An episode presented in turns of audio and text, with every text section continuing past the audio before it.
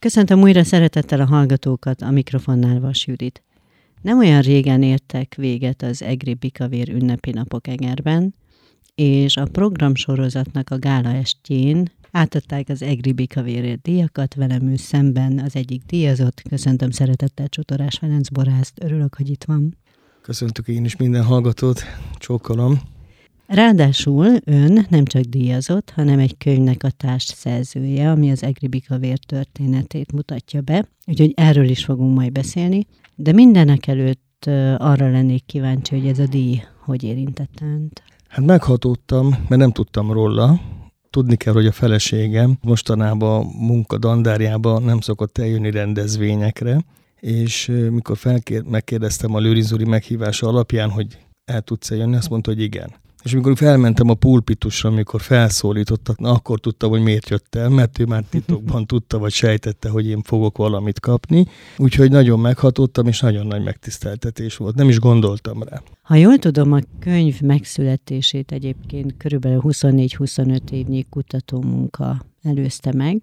Arra is kíváncsi vagyok, hogy miért fontos önnek ennyire, hogy kutassa a bikavér történetét hogy ilyen hosszú időt, ilyen nagyon alapos kutatómunkát áldoz rá? Hát részben azért, mert ugye az Egri borvidéknek a fő márkájáról van szó, és nem csak az Egri borvidéknek, hanem az országban is egy elismert márka. Sokszor szokták hangsúlyozni, hogy a tokai aszú mellett talán a világban is amúgy a bikavért, az Egri bikavért ismerik. És ugye volt egy 40-50 év kihagyás a szocialista rendszernek köszönhetően, amiben egy kicsit olyan fals dolgok kerültek elő a bikavér legenda kapcsán, a bikavér sztori kapcsán, sőt egy kicsit a szocialista rendszerben magukénak tudták be ezt a bikavér történetet, holott azért lehetett látni, hogy már a második világháború előtt ez a márka hódító útra indult, és kíváncsi voltam, hogy mi volt az alapja, és magára a szóra, hogy a bikavér az honnan alakult ki, miért hívták ezt a márkát bikavérnek, vagy miért lett ez a márka bikavér. Na hát erre nagyon kíváncsi vagyok, csak ha jól láttam, a köteten nem egyedül volt szerzője, nem Szilágyi Rékával, illetve Pap Péter Istvánnal közösen. Magának a könyvnek az ötlete hogy született meg? Tehát már felhalmozódott a kutatási anyag, és szerette volna kiadni, vagy valaki másnak volt az ötlete a könyv megszületése? A bőrönbe már gyűltek az anyagok, és Borász kollégám Pók Tamás, aki mai napig is az egyetemen tanít, tanítója volt a Szilágyi Rékának, aki már különben három gyönyörű gyermeknek az édesanyja, már nagy gyermeknek az édesanyja, bölcsész amúgy a Réka, és a Réka meg a Egri borvidék kutatásával foglalkozott, és konkrétan a bikavérből csinálta a szakvizsgáját itt Egerben, és akkor megkért engem arra a Tamás, hogy üljek már a Rékával, mert őt is érdekli a bikavér sztori. Tisztán emlékszek, a Bojki Janinál voltunk egy fantasztikus rendezvényen, és akkor mi egymásra találtunk, és mondta a Réka, hogy neki nagyon sok dolog sántít ebbe a történetbe, hogy milyen úton kéne elindulni, nekem már megvoltak az alappilléreim, hogy hol kerestem, de borzalmas nagy anyag volt, tehát ezért ez egy, nem egy emberes történet, és akkor elkezdtem instrukciókat adni, hogy hova kellene még elmenni, és mi az, amit én elkezdtem kutatni, azt kellene tovább folytatni. És akkor én mondtam neki, hogy nekem már titkolt szándékom évtizedek óta, hogy ezt a Bikavér könyvet megcsináljam, vagy megírjam, de már látom, hogy egyedül nem megy, mert olyan sok az anyag, hogy ezt össze is kéne vasalni. Kitűztük a célokat, hogy akkor ezt mindenképp könyvé kovácsoljuk. És a harmadik szerzőtárs, ő hogyan kapcsolódott? Ő Békés Csabán a Peti barátomnak, az idősebb Péterről beszélek most, mint barátról, ő velem egy idős, ő neki van egy fantasztikus fia, aki történész és doktorandusz jelenleg az EGRI Egyetemen, és a Peti nagyon szereti a borokat, az édesapja vendéglátós, eleve hozta ebből a kultúrából a bor szeretetét. Mindig sokat beszéltünk a borról, a szemem láttára nőtt fel, ma már egy megtermett 28 éves fiatalember, és kérdeztem, hogy a szocialista rendszer elég zavaros, ami a kötetünknek a harmadik fejezete, tudna ebbe segíteni, és nagyon szívesen igen mondott. Megbeszéltem a Rékával, hogy akkor Péter tudna nekünk egy kicsit érdekesebbé tenni a szocialista rendszert megvilágítani, és akkor úgy jött a dolog, hogy hogyan ne legyen unalmas a szocialista rendszer a harmadik fejezetnél, amikor a bikavért írjuk. Bevontuk a nagyapám élettörténetét, ami párhuzamosan egy magántermelő, egy párhuzamosan egy nagyüzemi gazdasággal, a borkombináttal működve hogyan tudott működni, és ez hogyan formálta át a bikavér történetét és magát a bikavér sztorit. Úgyhogy Peti így csatlakozott két évvel később a munkához. Na jó, akkor nézzük a könyvet. A bikavér fogalom, vagy a bikavér név, akkor az honnantól, mikortól eredeztethető, és egyáltalán hogyan született meg ez a fogalom? Ugye azt kikötöttük már Rékával, hogy mi nem azt akarjuk kideríteni, hogy hol volt hamarabb bikavér, Egerben vagy Szexárdon, mert mi nem akartunk versengést ebben a történetben, mi azt akartuk felkutatni, hogy valójában mióta lett márka az egri bikavér, és nem verseket idézve, nem kötetekből idézve, hanem abból, hogy kereskedelmi forgalomban valójában az egri bikavér mikor indult el, és ez volt a legnehezebb felderíteni. Tehát voltak tápontok, hogy Egerben a Gröber Jenő, akit az apostolának tartjunk a bikavérnek, hogy ő indította ezt az egész folyamatot. Aztán kiderült, hogy itt már a 19. század végén őt megelőzve, akár a nagybátyja Gröber Ferenc, sok termelő egyre többször a borát, ami kadarkából készült, bikavérnek hívta.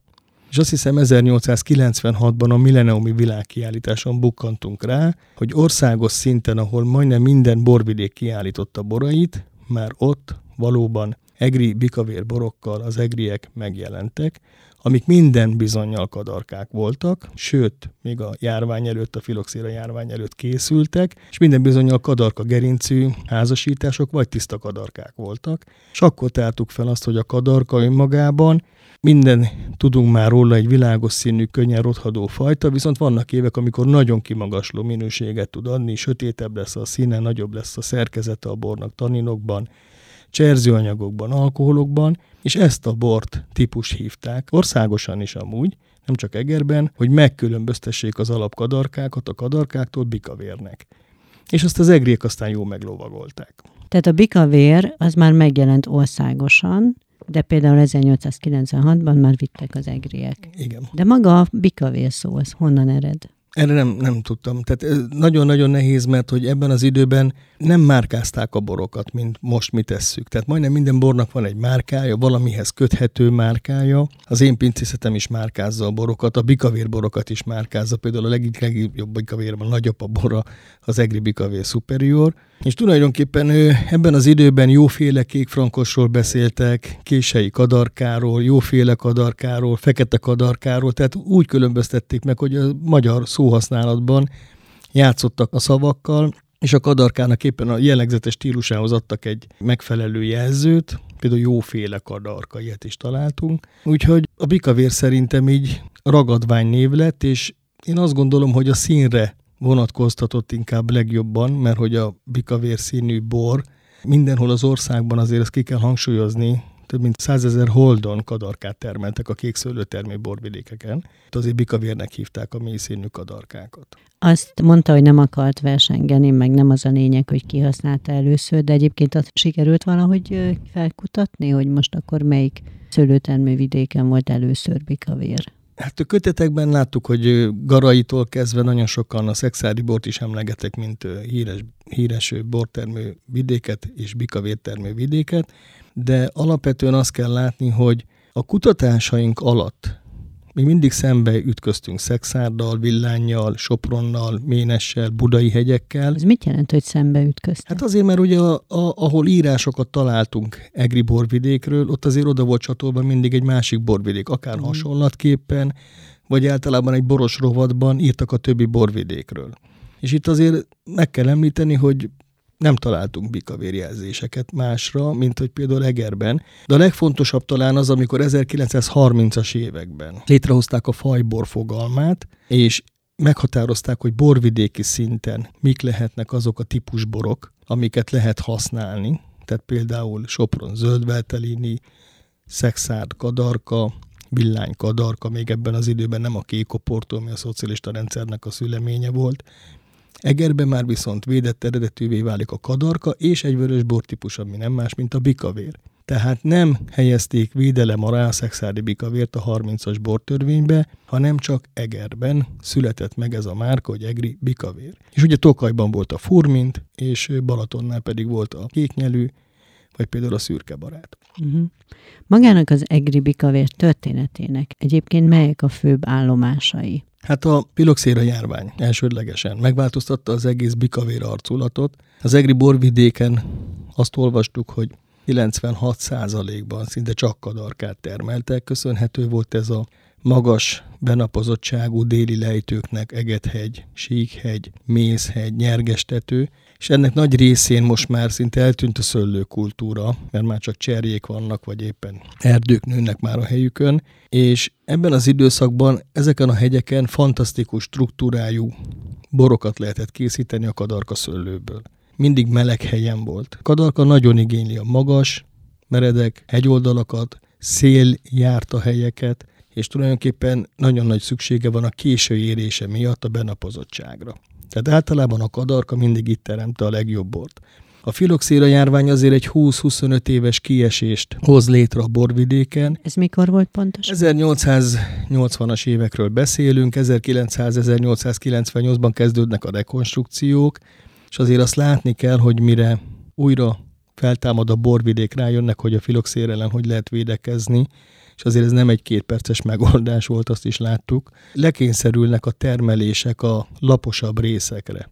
Lejönnek az úgynevezett alsóbb területekre, amik régen erdőtalajok voltak, és azt is látjuk szomorúságunkra, hogy azokat a régi meredek hegyoldalakat, ahol tényleg virágzó szőlőkultúra volt, azokat már nem tudják visszatelepíteni. Köszönhető ez annak, hogy azért ezek a birtokok, Egethegyről beszélek főleg, káptalani és érseki területek voltak, 300 éven keresztül folyamatosan gondozták. Tehát itt nem csak egy kadarka változat tűnik el, hanem egy 300 éves szőlőkultúra a filoxérával, amit azért újraéleszteni nagyon nehéz. Ráadásul fokozta a problémát, hogy a kadarka rengeteg változata ismert volt az egri borvidéken. Amúgy a legelterjedtebb a kék kadarka volt, azon belül is a lúttalpú, a kereklevelű és a keresztes levelű, és ezek a változatok szinte eltűntek a borvidékről, és ezeket újra kellett indítani, szaporítani.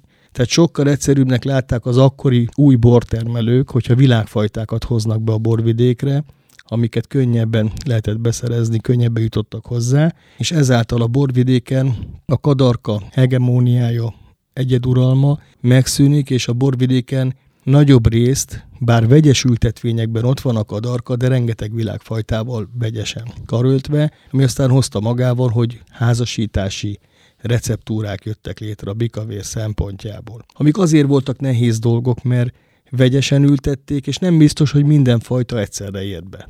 Hát ezekből a vegyes születekből vagy jó született, jó születek voltak, vagy kevésbé, és nem biztos, hogy voltak bikavér minőségek, és csak a régi nagy termelők, a régi nagy polgárcsaládok, akik a filoxér előtt ismerték a kadarkának a nehézségeit, viszont ismerték azt is, hogy ennek a bornak van valami különlegessége, azok próbálták visszaállítani csak teljes mértékben a kadarka ültetvényeket, ezekből viszont már akkor kevés volt. Úgyhogy ez is egy átalakulási folyamat, ami 40 évig tart, tehát egy folyamatos útkeresésben van a borvidék 1900-tól 1945-ig, és lehet látni, hogy a 30-as, 40-es évekre ajánlott fajta köré teszik a kadarkát elsődlegesen, ez mellett megjelenik a Medoc Noir szőlőfajta, amit az 1900-as években ültetnek el. Nagyon nagy szerepet kap a kékfrankos, ami ma már a borvidék meghatározó szőlőfajtája. Ebben az időben jelenik meg egy világfajta, amivel azért már eléggé régóta dolgoznak, a sok világfajta mellett a Cabernet Franc, és javasolják a telepítését, és a kékoportó, ami szintén egy korán érő szőlő. Tehát lehet azt mondani, hogy öt szőlőfajtára leredukálódik az egri borvidék, csak sajnos a szocialista rendszerrel és a háborúval, aminek nagy vesztesen a borászat is, megváltozik megint minden, a politikai helyzet is, és ezek a szőlőfajták tulajdonképpen majd csak későbbiekben, a 60-as években valamelyik megmarad, mint a frank meg a kékfrankos, de főleg a kékfrankos, a kadarka teljesen háttérbe szorul az 50-es évekre, a Medoc a 60-as évek végére, átalakul a bikavér receptúra, és lehet azt mondani, hogy a szocialista rendszerben minden bor, ami vörös bor volt az egri borvidékről, az bikavér volt. Annak ellenére, hogy próbálkoztak más márkákat felépíteni, nem sikerült. Uh-huh. Mielőtt arról beszélnék, hogy a szocializmus milyen hatásra volt a bikavérre, egy kicsit menjünk már vissza még időben. Mikor datálható az, hogy megszületik valamilyen, ha nem is törvény, de egy javaslat arra, hogy milyen borokból készíthető a bikavér? Hát ennek a nagyon nagy előzmény van, 20 év, tehát még a horti korszakban vagyunk, ugye egy fantasztikus ember, akinek a nevét nem sokat lehet hallani, sőt, hogyha nem kutatunk utána, akkor mi se tudjuk. Petro Kálmán, egri lakos ügyvéd, borászati kormánybiztos parlamenti képviselő, kinek a pontos dátumát nem tudom, de 1942-ben vagy 43-ban a parlamenti beszédében kap szélütést, amiben aztán belehal. Ugyanebben a időszakban Gröber Jenő is az egyik legnagyobb termelőnk 1941-ben hal meg, és a Petro Kálmánról írják azt, hogy nem csak az egri, de magyarországi borvidékek kritikus problémáját nagyon jól ismeri. Látja, hogy összevisszaságok vannak a filoxéra után, a telepítések össze-vissza vannak ültetve, és ennek köszönhetően ő mindent elkövet azért, hogy kiemelje azokat a nagyon jó fajtákat borvidéki szinten, amik tényleg arra a borvidékre valók és jó minőségű bort adnak, de a rekonstrukciós munkákat már belátják a 30-as évekbe, a filoxéra után elkapkodták, és rosszul csinálták meg, míg a világ nagy borvidékei, Burgundia, Bordó, Olaszország már a filoxérát úgy kezdte el, hogy kiemelte azt a fajta kört, amivel ők világhatalom tudnak lenni, és arra a fajta körre fókuszálnak. Magyarországon ez kicsit inkább csak a kereskedelemre fókuszált, hogy minél hamarabb legyen termés, minél hamarabb legyen szőlő, és minél hamarabb legyen bor. És a legnagyobb kárt talán azt csinálta a borvidéknek, hogy a jobb piaci pozíció miatt és e, tulajdonképpen egy nagyon nagy tanulatlan kisparaszti kör elkezd fehér szőlőket ültetni. Azt nem mondanám, hogy nem volt tudatos, de azt látik, hogy akkor is változtak a divatok, és a egri borvidék ment a divat után. Ezáltal az egri borvidék a második világháborúban 65%-ba fehér szőlős borvidéké vált termelésben, ami a filoxér előtt 2% volt csak. Tehát ez is egy nagy kárt csinált, és valódi vörös bort, ha lehet hinni a régi írásoknak, az csak 5% volt. Most a Petróra visszatérve, a Petró nagyon látta ezt a hibát, hogy itt, itt mindenki a bikavért keresi rajtunk, hogy Eger a világ hírnevét annak köszönhette, hogy itt volt egy fantasztikus, nagyon jó vörösbor, és nem is foglalkoznak ezzel a gazdák.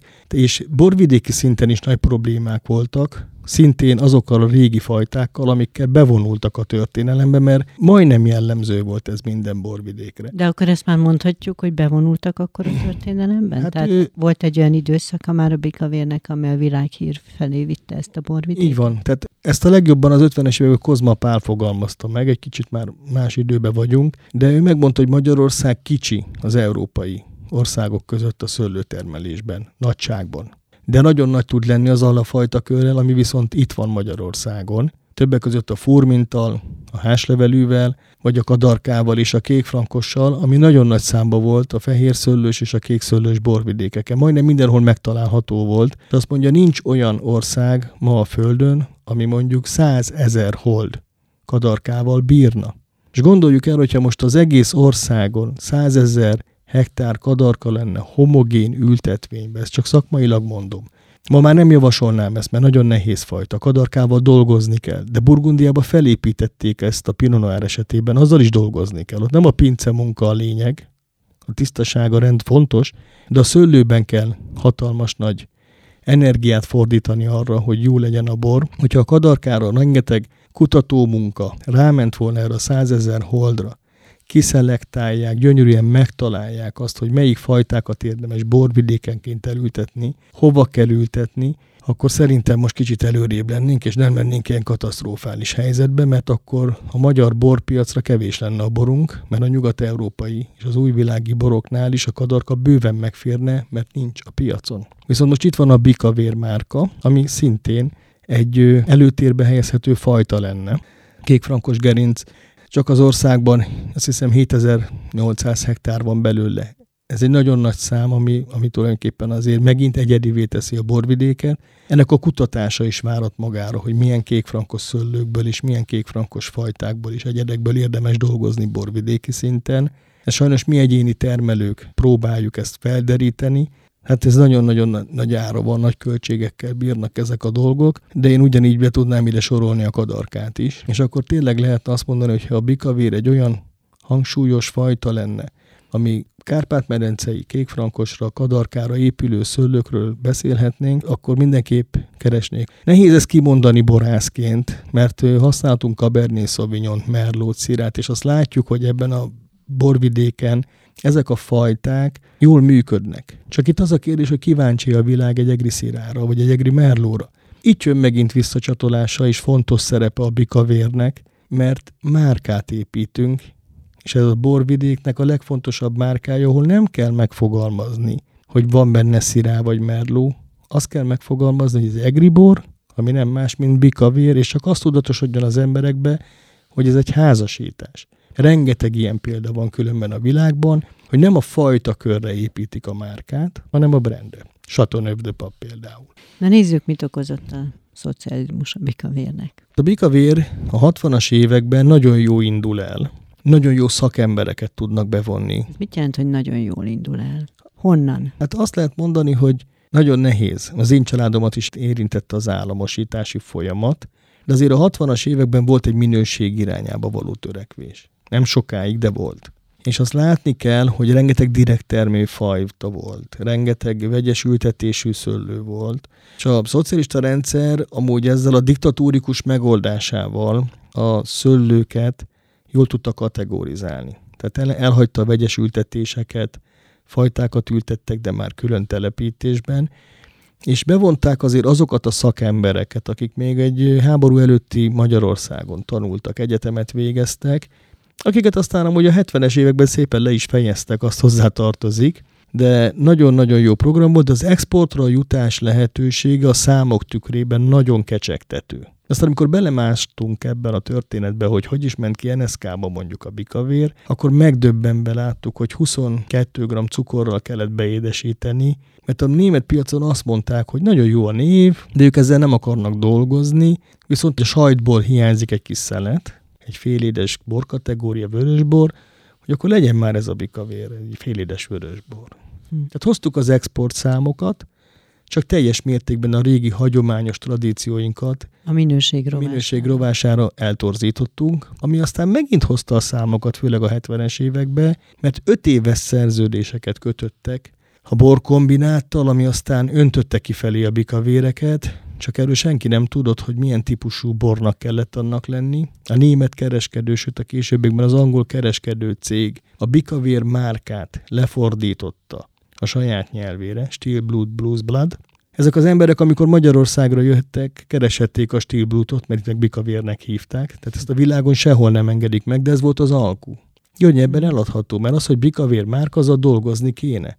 Úgyhogy eltorzították a piacot, és a 70-es években a számok szépek voltak, 44 millió palac per év, kibővült a KGST piaca, Lengyelország, NDK, ők voltak a legnagyobb felvevőink, ez egy 60 milliós piac, akkor ott volt Oroszország az Ukrajnával együtt 180 milliós piac, és akkor ott voltak a nyugat-európai exportok. Úgyhogy a 70-es években egy borgyárra alakult ez az egész történet, amiben a legjobb márka a fehér borok mellett természetesen a bikavér volt. Uh-huh. Tehát bor volt, csak nem minőség. Nem minőség, igen. Uh-huh. És mikor kezdett újra felébredni a borász szakma? Nagyon érdekes. után? Borkombinált szinten is a 80-as évek második felében már érezték, hogy hibát követtek el. Azért a borvilág sokat változott akkor, nem voltunk lemaradva, tehát a borkultúra elindult. Nagyon nagy kampányok folytak a világban a borokért. Volt egy arisztokratikus borkultúra, de itt a nagy tömegek itatásáról beszélek most.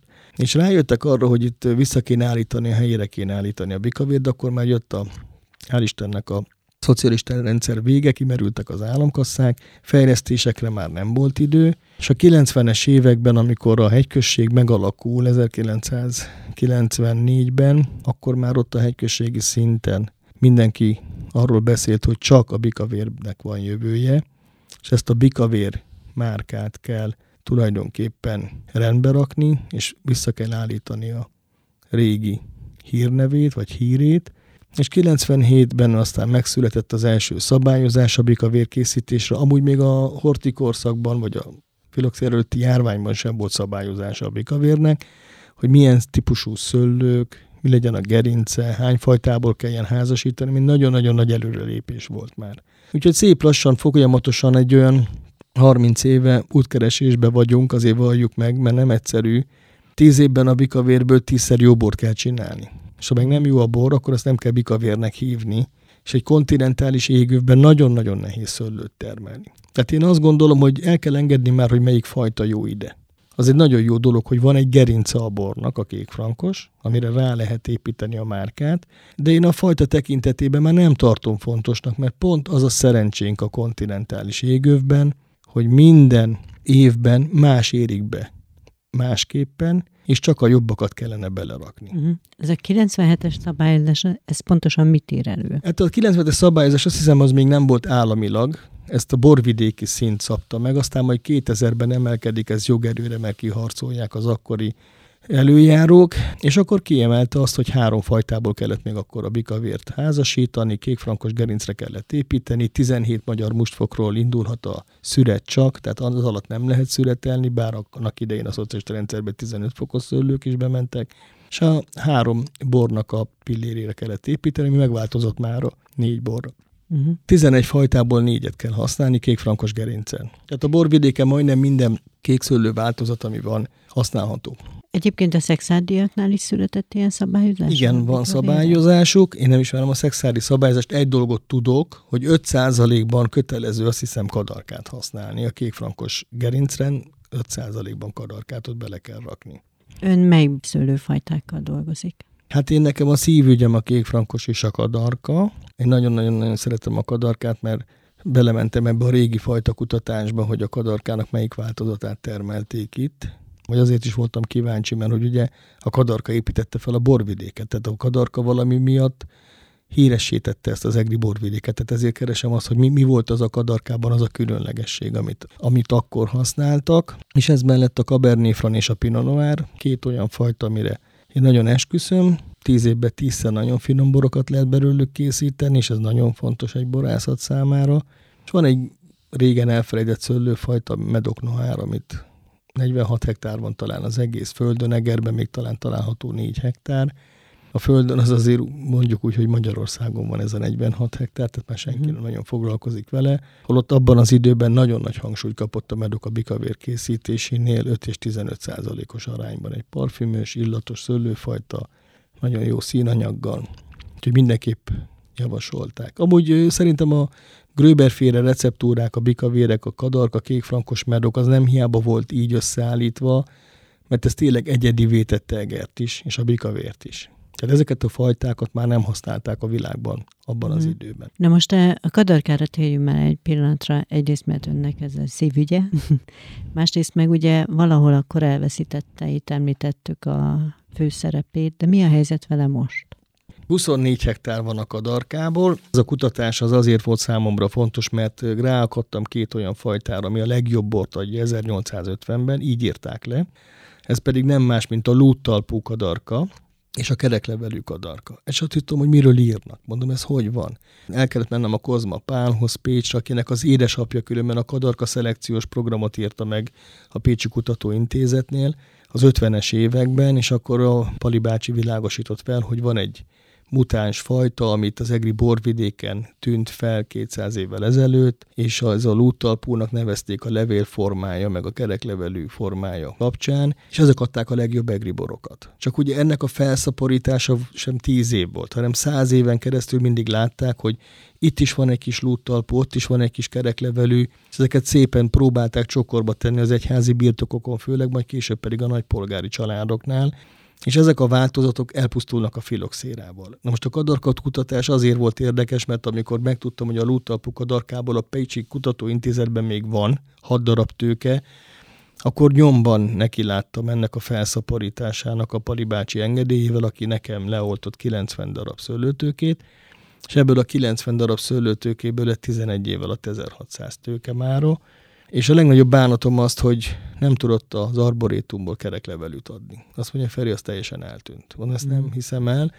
Azt mondja, hogy egyszer majd nyugdíjas lesz, már szerintem az, majd Kecskemét környékére elmegyünk, de meg kell vizsgálnunk morfológiai a szőlőket, mert ott még vannak régi ültetések, ugyanis a filoxére elpusztultak arszókon, ez miatt megmaradtak a darka, és lehet azt mondani, hogy talán még ott találhatnánk eredeti kereklevelű szőlőket, mert arra már ő is felhívta a figyelmemet, hogy minden borvidéknek megvolt a maga ünnepelt kadarka fajtája. Tehát mindenhol más hívták a kadarka típusokat, de ennek az volt az oka, hogy másfajta típusú bort is adtak. Ez különben a Pinot Noir az egyik legjellemzőbb ez a tulajdonság. Valahol gyümölcsösebb karakter, valahol testesebb, és ezek a klónok játéka különben a Pinot Noir esetében, a kadarkánál ugyanez van, és ez a kutatás, ez most a pincészetben folyik, kicsiben, minden évben egy 20-30-40 hektok adarkát el tudok készíteni, meg tudom kóstolni azt, hogy a 3-4 változat az milyen borokat ad, és az idén izgatottan várjuk, hogy milyen lesz a lúttalpú kadarka, mert a Síkhegy düllőn, fantasztikus düllő, legmagasabb pontja, 302 méter, ott van lúttalpú kadarka 1100 tők, és már beszületeltük 21 magyar mustfokkal. Ezt hány éve sikerült telepíteni? Ez Ezek nem is telepítés volt, hanem átoltás. Egy régi kékfrankos ültetvényt oltottam át kadarkára, és az Almagyardomban volt az első génbank, ahol volt ez a 90 tőke, amit a Pali bácsitól kaptam. Abból a 90-ből lett aztán a kerekszírvás düllőben 600 tőke, az megint három év, mire abból tudtam annyi veszőt leszedni már, hogy a síkhegyen át tudjam moltani ezt az 1100 tőkét. Uh-huh. Ahogy így beszélgettünk, az azért levonható, hogy elég sok sebből, na, mondjuk ez egy érdekes szókép, na mindegy, tehát hogy sok sebből vérzik az egri bikavérnek a története, de az, hogy nem is tudom, mi a cél egyébként önöknek, hogy ö, egy olyan nívót szerezni, ami volt mondjuk a 30-as, 20-as, 30-as években, vagy egyszerűen csak visszahozni egy olyan nívót, amit elvett a szocializmus. Tehát, hogy mi a, mi a végcél, vagy mi a cél. Hát mindenképp az utóbbi, ugye, amit a szocializmus elvett, azt akarjuk rendbe rakni. Én azért most... De az viszonylag egyszerűnek tűnik, bocsánat, nem? Mert tudjuk, hogy mit rontottak el. Hát egyszerűnek tűnne, de itt a fajta körök tükrében, a düllők tükrében még mindig nincs rend a borvidéken. És most azért hozzá kell tennem, hogy három pincénél is itt volt James Huckling, amerikai bor és szivar kritikus, korábbi vezető szerkesztő, és a Wine Spectator európai iroda vezetője az Amerikai Egyesült Államokból. És kóstolt a Szent Andrea borokat, a Tótkatikáik borait és a Gálti borborait, és a Gyuriról beszélnék, mert nekem nagyon szívem csücske mind a két ember, az apa és fia, kapcsolatunk is nagyon jó, de azért egy megdöbbentő történet, hogy 98 pontot kaptak ugye a Szaklingtól a bikavérükre, a Nagyegedre ráadásul, ami már megmutatta azt, hogy milyen lehetett régen az abikavér, ami világhírűvé emelte a bikavért. A 98 pont egy 100 pontos pontrendszerben azért szerintem nagyon komoly, és azért a Gyuri már egyszer feltette a bikavért egy térképre annak idején a Best in Show-val, amikor megnyerte a Decanter world ezt a díjat, ami 18 ezer borból a világ 45 borába bekerült ez a vörös bor. Úgyhogy ez a példamutató munkát kellene követni. Sokkal szigorúbbnak kellene saját magunkhoz lenni, hogy milyen terméshozamokkal, milyen düllőkben kell bikavért termelni, mert most a szabályozás erre nem tér ki. Vagy legalábbis a klasszifikációs osztályokat már meg kellene szabni, hogy melyik düllő lehet mondjuk Grand Superior düllő. Számomra 300 méter tengerszint fölötti magasságnál kezdődnek a Grand düllők, és a Grand düllők után vannak a superiőrök, vagy alatta vannak a superior düllők, és az alatt vannak a klasszikus düllők, és ezek már mutatnának valami új utat abban, hogy egyáltalán a termelőnek is tud egy utat mutatni, hogy neked ebben a düllőben ilyen bort kell készíteni, mert ezért 100 forintot kapsz. De amikor a nagyegeden termelsz, akkor csak 1000 forintot fogsz kapni, csak mondom, hogy csak. Mert jó lenne, hogyha már itt tartanánk, mert most 120 forint ott is egy kiló szőlő. És hogyha ezeket a kategóriákat végre rendbe raknánk, akkor a felső polcos borok tudnák felhúzni az alját, hogy azok is finomak, mert a nagyon-nagyon nagy, nagy tömegek a 40-50 ezer forintos borra nincsenek berendezkedve. De hogyha finom bikavéreket tudnak kóstolni, abban az árkategóriában, ahol a pénztárcájuk megengedi, akkor biztos, hogy ott lesz, hogy egy-kétszer megengedik maguknak azt ünnepnapokon, hogy vegyenek felső polcos borokat. És én azt látom, hogy most összemosódik a kép. Tehát még most sem tudják Magyarországon, hogy mit jelent egy Grand Superior bikavér, és mit jelent egy klasszikus bikavér, és a düllőink azért nagyon-nagyon nagy befolyással vannak a bornak az elkészítésére. Igen, de ez egy nagyon nagy fokú összefogás kellene, nem? Meg valaki, aki viszi a zászlót elől. Szerintem türelmesnek kell lenni, én azt gondolom, hogy minden be fog érni. Én azt látom, hogy nagyon nagy borválság van, tehát most kijött ez a 180 forintos, 160-tól 180 forintig alkoholtól függően adták a támogatást, krízis lepárlás. Tehát ez a szó, hogy krízis lepárlás. És miket párolunk rá? OMS nagy bikavéreket. Tehát ez előbb-utóbb fel fogja nyitni a borászok szemét, hogy ez így nem mehet tovább. Szerintem a piac az kereslet és kínálat, ez a régi gondolat, amit a régiek is, az öregek is mondtak. Én azt gondolom, hogy a bikavérre, hogyha drágább lenne, de kevesebb, lenne igény. Uh-huh. Tehát a mennyiséget kellene csökkenteni. Meg mennyiséget le kell csökkenteni, és akkor szépen tornázódik fel a márka, mert ez egy márka.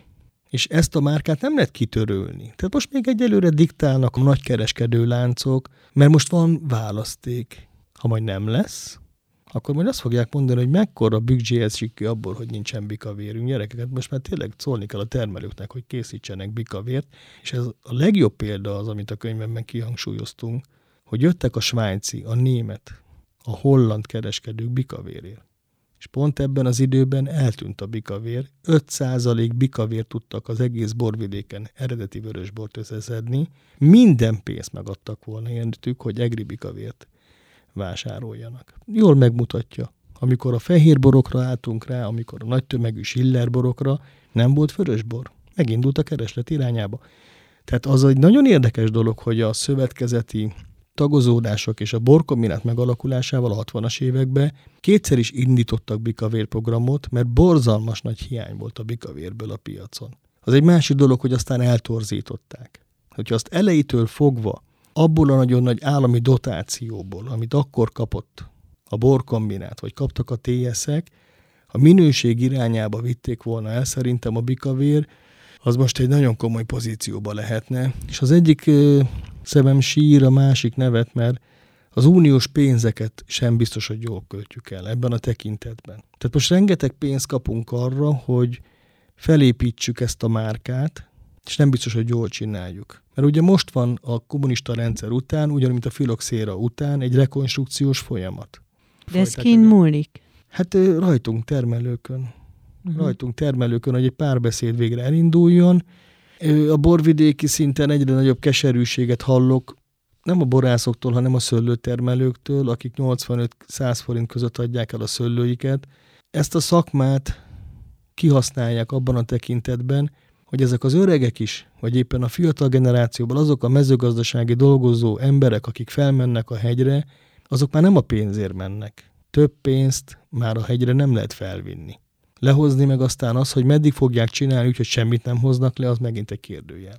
Tehát kicsit félek attól, hogy kivégezzük saját magunkat ezen a borvidéken. Hogyha nem fogunk most előbb-utóbb egy párbeszédet kezdeni, én soha nem szóltam abba bele a bikavéren kívül, hogy ki milyen bort csinál. Aki akar félédeset csináljon, aki akar.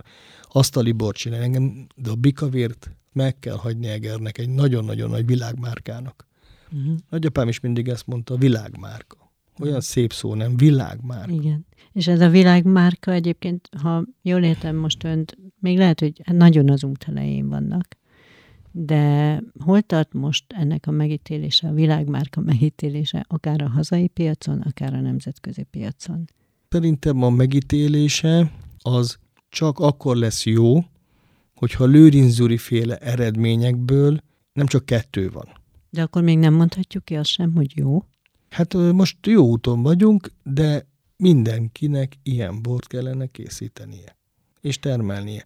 És igenis azt látni kell, hogy ezen a Dekanter világversenyen nem tudunk nagyon ezüstéremnél tovább jutni. Tavaly előtt, vagy tavaly volt a Tumerer család, ugye ők nyertek egy 97 pontos Vili Papa küvével egy fantasztikus aranyérmet. Mindenki büszke a Tumerer családra, mert ők nagyon sok dolgot letettek.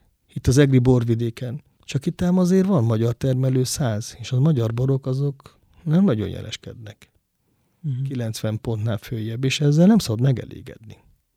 Amikor az olasz borokat nézzük ezeken a világversenyeken, a francia borokat, ami a, szerintem a borok olimpiája, ez a Rio, éppen Spanyolországból, vagy Toszkána, Brunello Montalcino, Chianti, az osztrákok a kékfrankosokkal, most már a horvátok a rizlingekkel és a szlovének is, meg a kabernéfranokkal.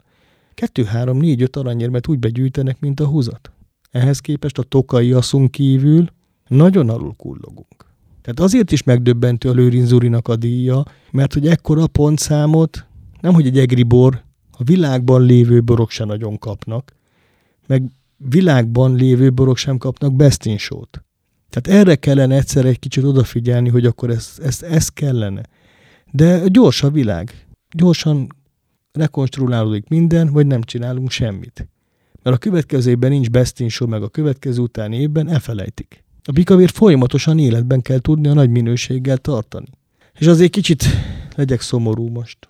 Ez csak egy ember csinálja, Lőrinc Gyuri. Jó, de ha ő tudja már a titkot, vagy tudja a receptet, vagy tudja, a, hogyan, igen, igen. és meg is osztja, mert neki is az a legfontosabb, hogy a borvidéknek a bikavére az nemzetközi piacon is nagyon-nagyon jó minőségű legyen, meg díjakat hozzon, és a többi, akkor itt nem lehet megállni, ugye? Hiszen van egy biztató remény, van egy, van egy, van egy megoldás. Nincs meg ez a, ez a közös akarat. A közös akarat az megvan. Inkább abban nyugszunk bele nagyon sokszor, hogy jó, hogy nekünk van egy Lőrinc Gyurink, azt mondjuk, és milyen jó ennek a vállán szépen elérdegélni. Ismerik megint a bikavért egy pár évig, eladhatunk mindent, megint egerről szól egy kis marketing, megint egerről beszélnek. Én ezt így gondolom. Akkor nem a közös akarat, hanem ez a közös tett, tehát hogy én is elérjem ezt, amit ő. Hát igen, de én a Gyurival azért szoktam mindig viccelődni, hogy a következő Best in Show-t én hozom majd el kadarkával. De tényleg így szoktam mondani, mert én nekem, nekem a borászatban azért a versenyszellem az mindig ott van. Hol kapok én visszaigazolást a fogyasztótól a pénztárcáján keresztül nem igaz. Nem igaz. Visszaigazolást akkor kap az ember, amikor megdicsérik, és azt mondják, hogy lásd a kitüntetést a Bikavér napokon, meg voltam hatódva. Hogy kaptam valamit, azt mondták, hogy írtál egy könyvet, gyere, odaadjuk ezt a díjat, és ez egy jó esőérzés. Én amúgy egy becsvágyó ember vagyok, jó értelemben, tehát én azt gondolom, hogy mindenkinek annak kell lennie, és én mindig a dolgok mögé nézek, hogy hogy is jött ez össze, hogy ez, ez ilyen nagyon komoly díj lett, hogy mi, mi, mi kell ehhez? Tanulnunk kell egymástól szerintem, ez Igen. a legfontosabb dolog. Folyamatosan tanulnunk kell. nem csak egymástól, hanem az említett nemzetközi piacokról, piacokról is. Pontosan, tehát hogy mindenképpen. Uh-huh. Hát én kívánok ehhez kitartást, erőt, meg mindent, ami, amire ön is vágyik. Köszönöm szépen, hogy eljött hozzánk. Én is köszönöm, csokolom. Kedves hallgatóink, köszönjük szépen az önök figyelmét is, Csutorás Ferenc Borászt és Vasüditot hallották. Hallgassanak minket máskor is, viszont hallásra.